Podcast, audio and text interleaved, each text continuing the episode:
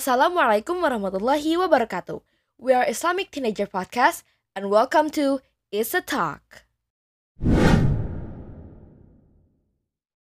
أعوذ بالله من الشيطان الرجيم بسم الله الرحمن الرحيم الحمد لله نحمده ونستعينه ونستغفره ونعوذ بالله من شرور أنفسنا ومن سيئات أعمالنا من يهده الله فلا مضل له ومن يضلل فلا هادي له وأشهد أن لا إله إلا الله وحده لا شريك له وأشهد أن محمدا عبده ورسوله In all truth, all praise is for Allah. We praise Him and we seek His assistance and we ask for His forgiveness. And we seek refuge in Allah from the evils of ourselves and from the evils of our actions. Whoever Allah guides, there is no one that can lead him astray, and whoever is led astray, there is no guidance for him. I bear witness that there is no deity that has the right to be worshipped except Allah, alone and with no partner, and I bear witness that Muhammad is his slave and messenger. Amma ba'ad, to proceed.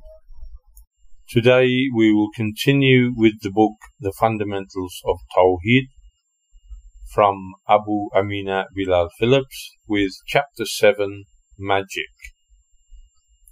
Magic may be defined as the seeming control or foresight of natural forces by ritual invocation of supernatural agencies, as well as the belief that men can coerce nature by the use of certain rites, formulas, and actions.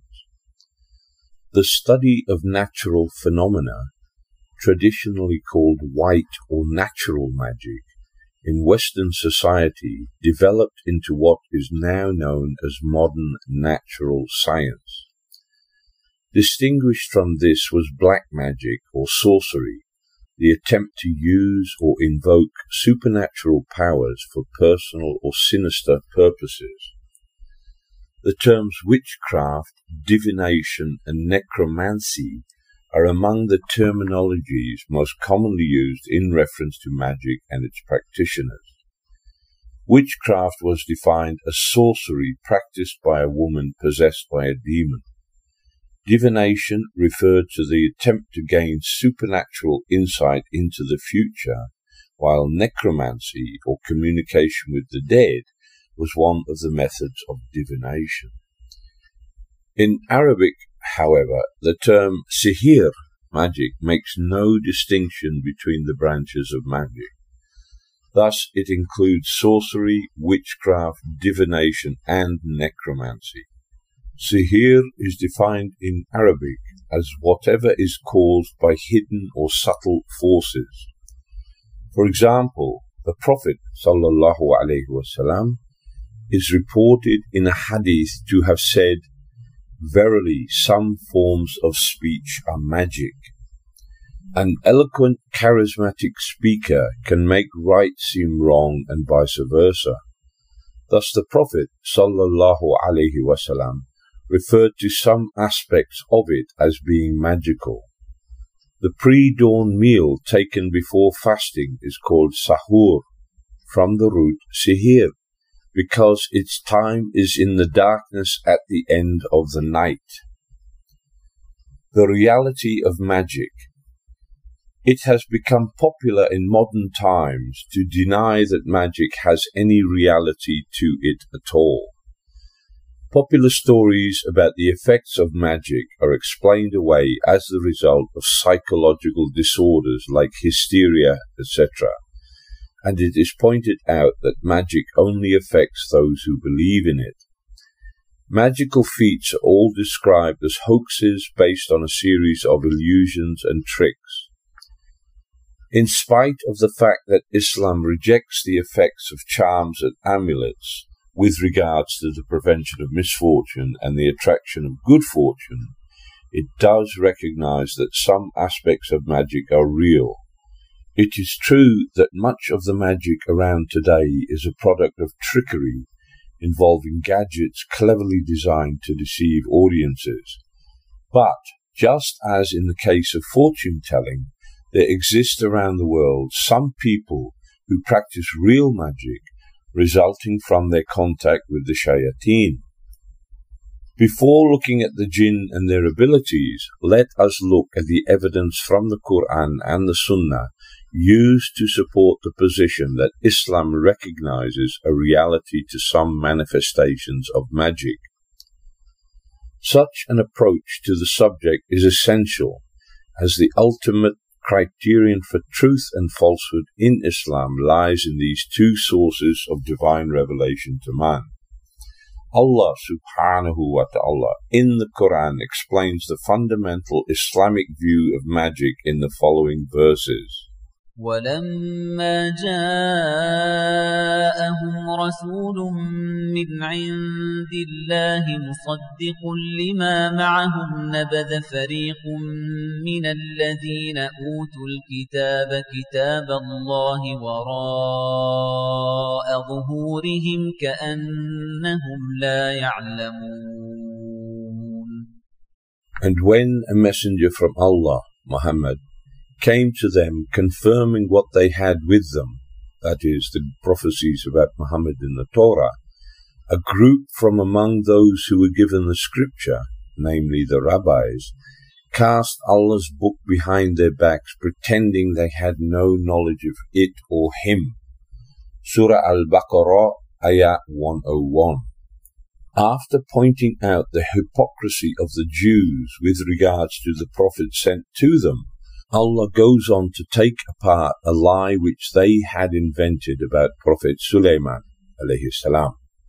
واتبعوا ما تتلو الشياطين على ملك سليمان وما كفر سليمان ولكن الشياطين كفروا يعلمون الناس السحر يعلمون الناس السحر وما أنزل على الملكين ببابل هاروت وماروت وما يعلمان من أحد حتى يقولا إنما نحن فتنة فلا تكفر فيتعلمون منهما ما يفرقون به بين المرء وزوجه وما هم بضارين به من أحد إلا بإذن الله ويتعلمون ما يضرهم ولا ينفعهم ولقد علموا لمن اشتراه ما له في الآخرة من خلاق ولبئس ما شروا به أنفسهم لو كانوا يعلمون They follow what the shayateen related concerning Solomon's kingdom. But it was not Solomon who disbelieved. It was the devils who disbelieved by teaching the people magic and that which was revealed to the angels Harut and Marut in Babylon. Although the two would not teach anyone anything until after they warned them, saying, Verily, we are only a test and trial, so do not commit disbelief.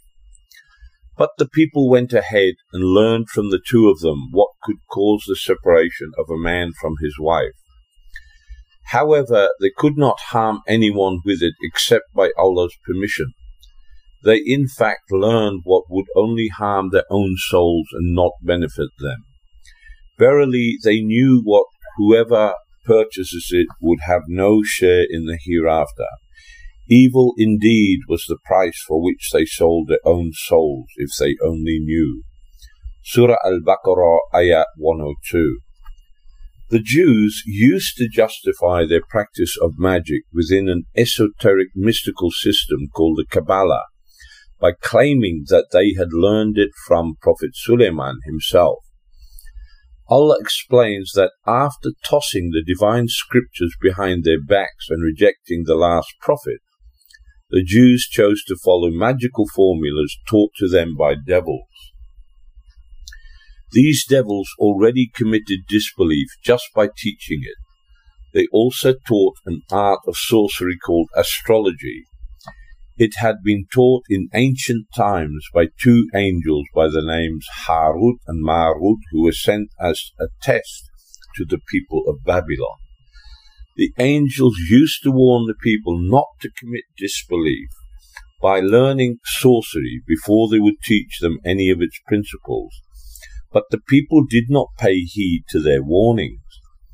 They learned from astrology how to cause enmity between people and destroy marriages to such a degree that they thought they could harm whomsoever they pleased. However, Allah is really the one who decides whom it will affect and whom it will not. This knowledge which they learned was of no real benefit to them, Thus, they only harm themselves by learning it. Because acts of disbelief are essential to the practice of real magic, they harm themselves by guaranteeing for themselves a place in hell. The Jews who learnt these arts knew well that they were cursed, because it was forbidden in their own scriptures. The following verses can still be found in the Torah they possess nowadays. When you come into the land which the Lord your God gives you, you shall not learn to follow the abominable practices of those nations. There shall not be found among you anyone who burns his son or his daughter as an offering, anyone who practices divination, a soothsayer or an augur, or a sorcerer, or a charmer, or a medium, or a wizard, or a necromancer for whoever does these things is an abomination to the Lord, and because of these abominable practices, the Lord your God is driving them out before you.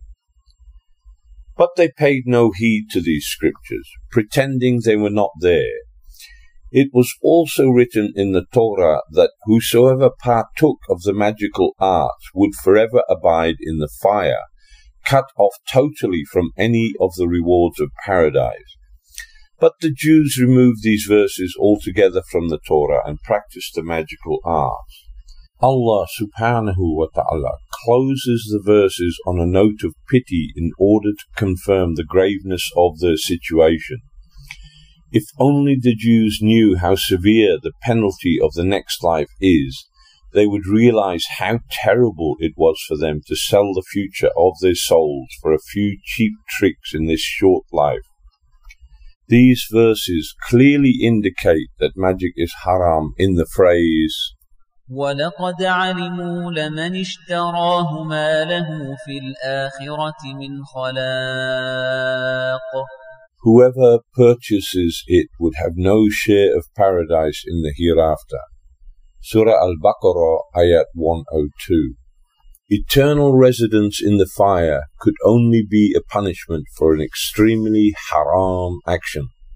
The verse also proves that the magician, as well as the one who learns or teaches magic, are kafirs.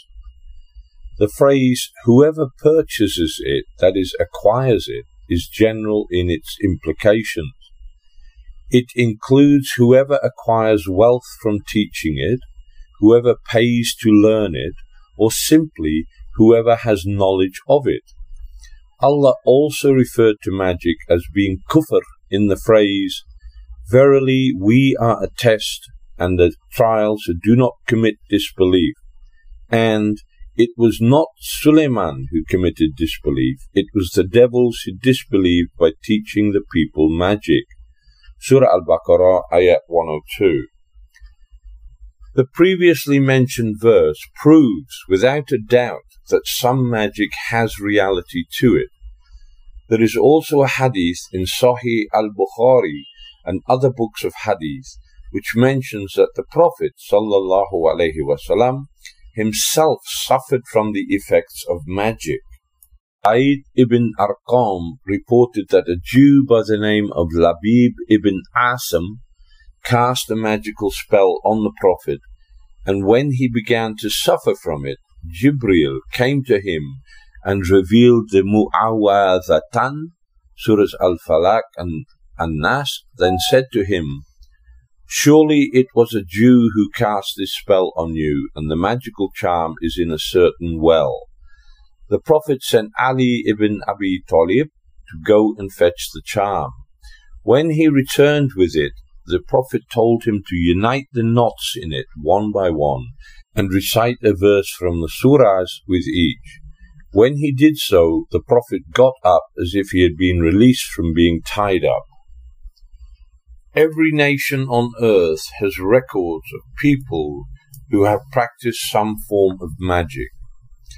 Although some of it may have been false, it is highly unlikely that the whole of mankind could have agreed to make up similar stories about magical and supernatural events.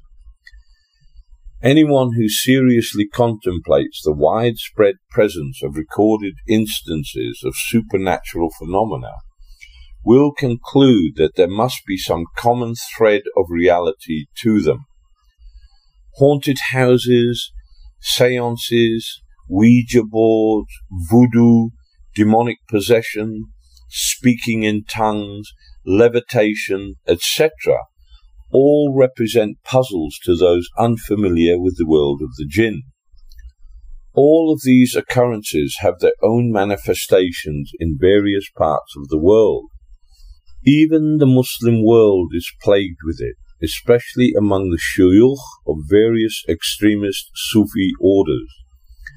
Many of them appear to levitate, travel huge distances in split instants of time, produce food or money from nowhere, etc. Their ignorant followers believe these feats of magic to be divine miracles and thus willingly give their wealth and lives in service to their shuyukh. But behind all of these phenomena lie the hidden and sinister world of the jinn. As was mentioned in the previous chapter, the jinn are essentially invisible except for those in the snake and dog form. However, some of them are able to take any form they wish, including human form. For example, Abu Huraira radiallahu anhu said, Allah's Messenger made me responsible for protecting the zakat of Ramadan. While I was doing so, someone came and began to dig around in the food, so I caught a hold of him. I said, By Allah, I am going to take you to Allah's Messenger. The man implored, Verily, I am poor and I have dependents. I am in great need. So I let him go. The next morning the Prophet said, O Abu Huraira, what did your captive do last night? I said he complained of being in great need and of having a family, so I let him go. The Prophet replied, Surely he lied to you and he will return. Since I knew that he was going to return, I laid in wait for him. When he returned and began to dig in the food, I grabbed him and said, I am definitely going to take you to Allah's Messenger. He pleaded, Let me go. Verily, I'm poor and I do have a family. I won't return. So I had mercy on him and let him go. The next morning, Allah's Messenger said, O Abu Huraira, what did your captive do last night? I said that he complained of being in great need and of having a family, so I let him go. The Prophet replied, Surely he lied to you, and he will return. So I waited for him and grabbed him when he began to scatter the food around. I said, By Allah, I will take you to Allah's Messenger. This is the third time, and you promised you would not return, yet you came back anyway. He said, let me give you some words by which Allah will benefit you. I said, What are they? He replied, Whenever you go to bed, recite Ayatul Kursi, Ayah 255 of Surah Al Baqarah, from beginning to end. If you do so, a guardian from Allah will always be with you, and Satan will not come near you until the morning. Then I let him go. The next morning Allah's Messenger said, What did your captive do last night? I said that he claimed that he would teach me some words by which Allah would benefit me, so I let him go. When the Prophet asked what they were, I told him that they were saying Ayatul Kursi before going to bed. I also told him that he said that a guardian from Allah would remain with me and Satan would not come near me until I awoke in the morning. The Prophet said, Surely he has told the truth, although he is a compulsive liar. O Abu Huraira, do you know who you have been speaking to these past three nights? I replied, No. And he said, That was a devil. If these basic facts about the jinn's abilities are kept in mind, all of the supernatural and magical incidents which are not hoaxes can be easily explained.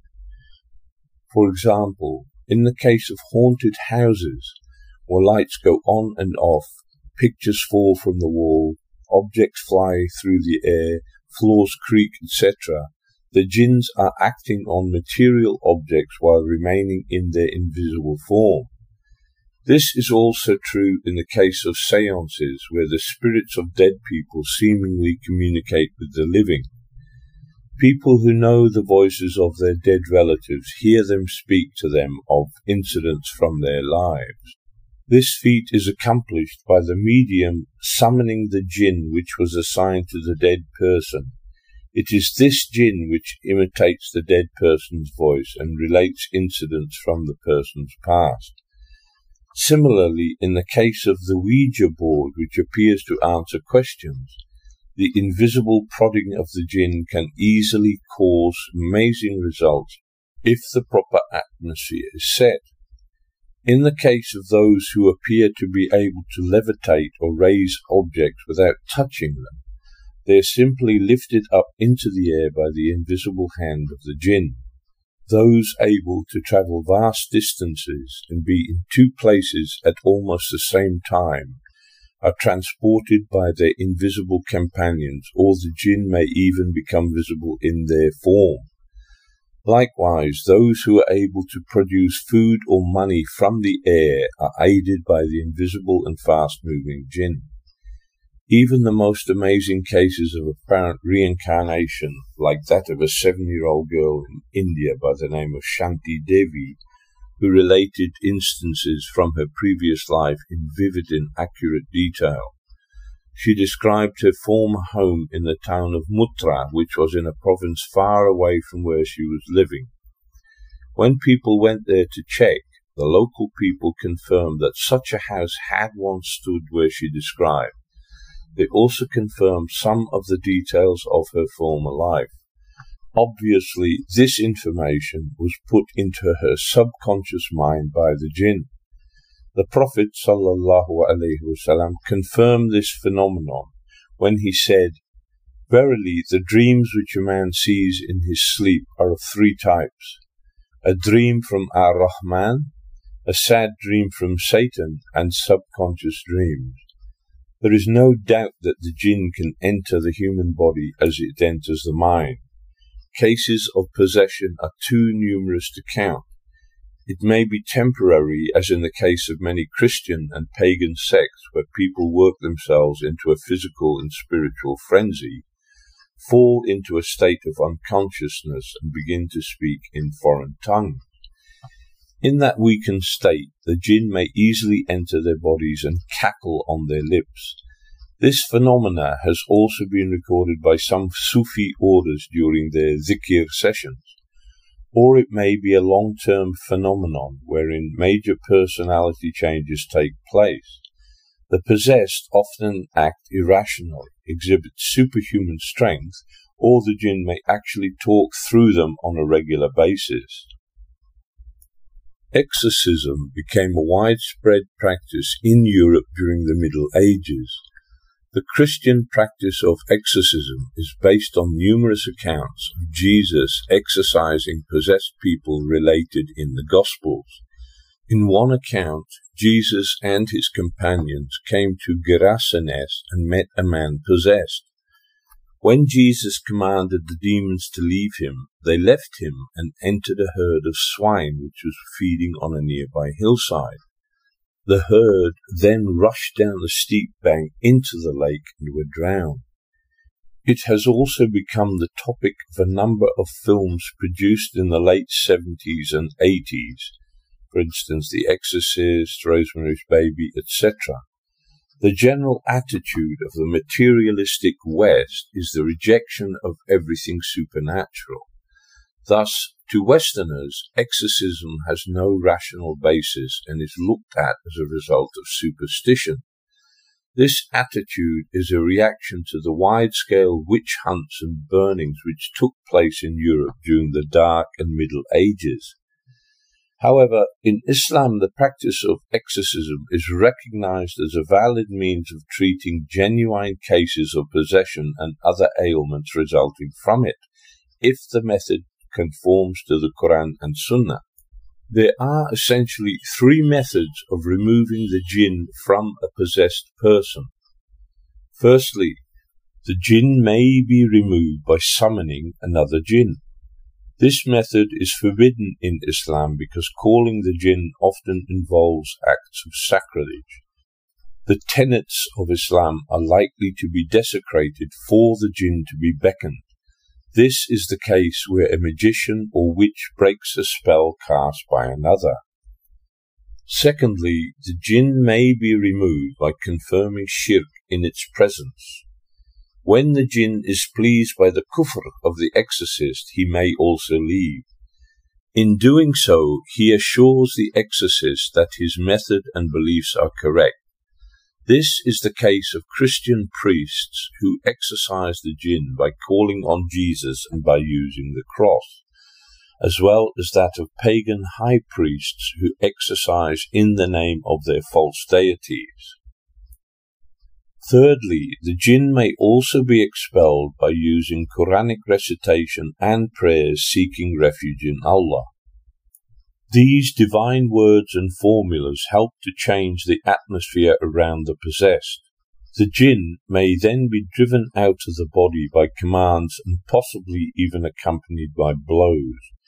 However, these practices by themselves are useless unless the one doing them has firm iman and a good contact with Allah based on righteous deeds. Although some Muslims today, under Western secular influence, openly deny possession and others even go so far as to deny the existence of the jinn, both the Quran and Sunnah say otherwise.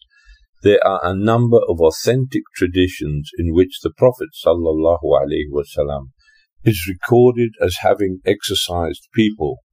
There are, as well, traditions of his companions doing the same with his approval. The following are three narrations describing three different methods. Ya'la ibn Murrah said, Once I went travelling with the Prophet, and we came across a woman sitting with her child in the road. She said, O Messenger of Allah, this boy has been afflicted and has caused us many trials. I don't know how many times a day he is seized by spells. The Prophet said, Give him to me. So she raised him up to him, and the Prophet put the boy in front of him in the middle of his saddle. Then he opened the boy's mouth, blew in it thrice, and said, Bismillah, in the name of Allah. I am a slave of Allah, so get away, O enemy of Allah. Then he returned the boy to the woman and said, Meet us here on our return and tell us what happened. Then we went, and on our return we found her at that place. She had with her three sheep, so the Prophet asked, How is your boy? She replied, By the one who has sent you with the truth, we haven't noticed anything wrong with him since then. So I brought you these sheep. The Prophet said to me, Dismount and take one, then return the rest to her. Umm Aban bint al-Wazi reported that when her grandfather Zari went with a delegation from their tribe to see the Messenger of Allah. He brought along with him a son of his who was insane. When he reached Allah's Messenger, he said, I have a son with me who is insane, so I have brought him for you to pray for him. The Prophet told him to bring him. So he took off his son's travelling clothes and put on some good clothes, then carried him to the Prophet. The Prophet said, Bring him close to me and turn his back to me. The Prophet then grabbed the boy's clothes and began to hit him severely on his back. While he was hitting him, he said, Get out, enemy of Allah, enemy of Allah, get out. The boy then began to look around as if he were all right.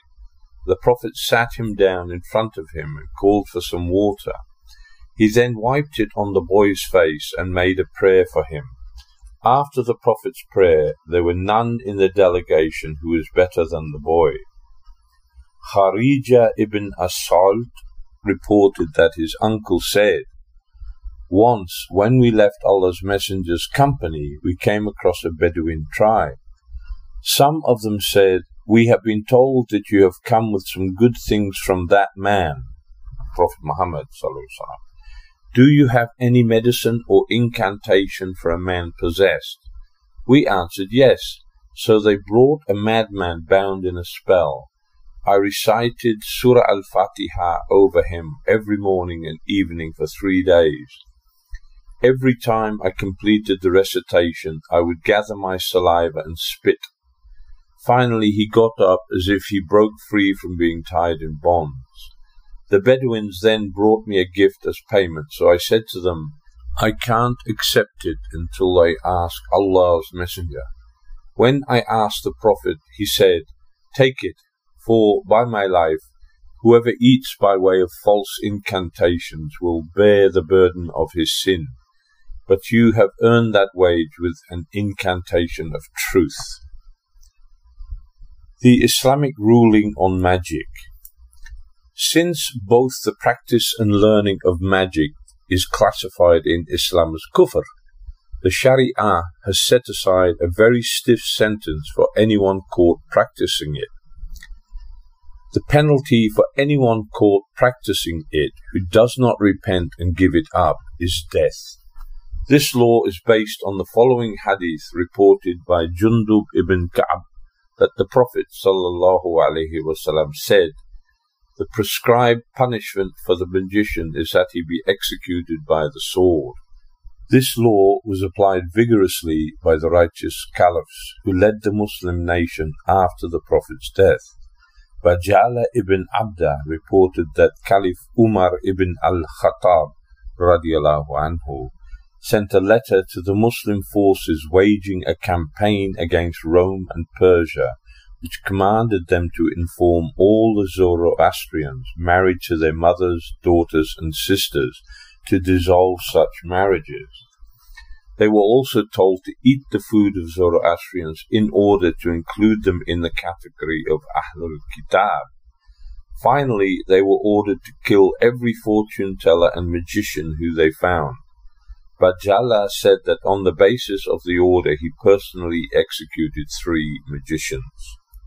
Muhammad ibn Abdurrahman reported that Hafsa, wife of the Prophet wasallam, and daughter of Umar, had a servant girl of hers killed because she worked some magic on her. This punishment is also recorded in the Torah to this day, clearly showing the Jews and the Christians that magic is forbidden. A man or a woman who is a medium or a wizard shall be put to death. They shall be stoned with stones, their blood shall be put upon them. Leviticus 20, verse 27.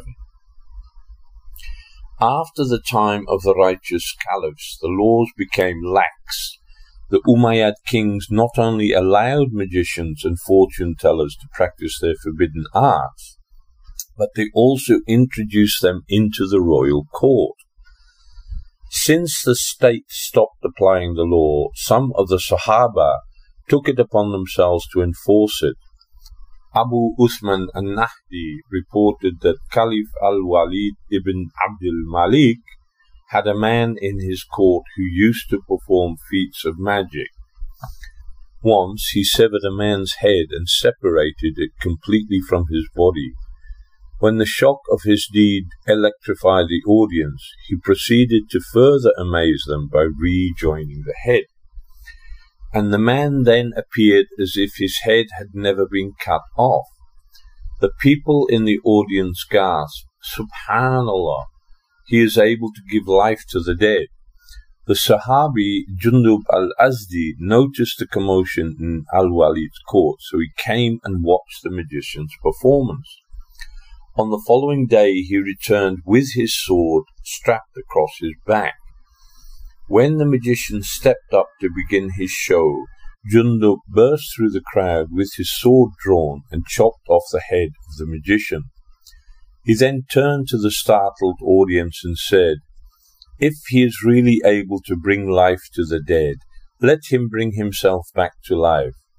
Al Walid had him arrested and thrown in jail. The severity of the ruling on magicians is primarily to protect the weaker elements of society from falling into shirk in Tawhid al-Asma wa Sifat by attributing to magicians divine qualities belonging only to Allah.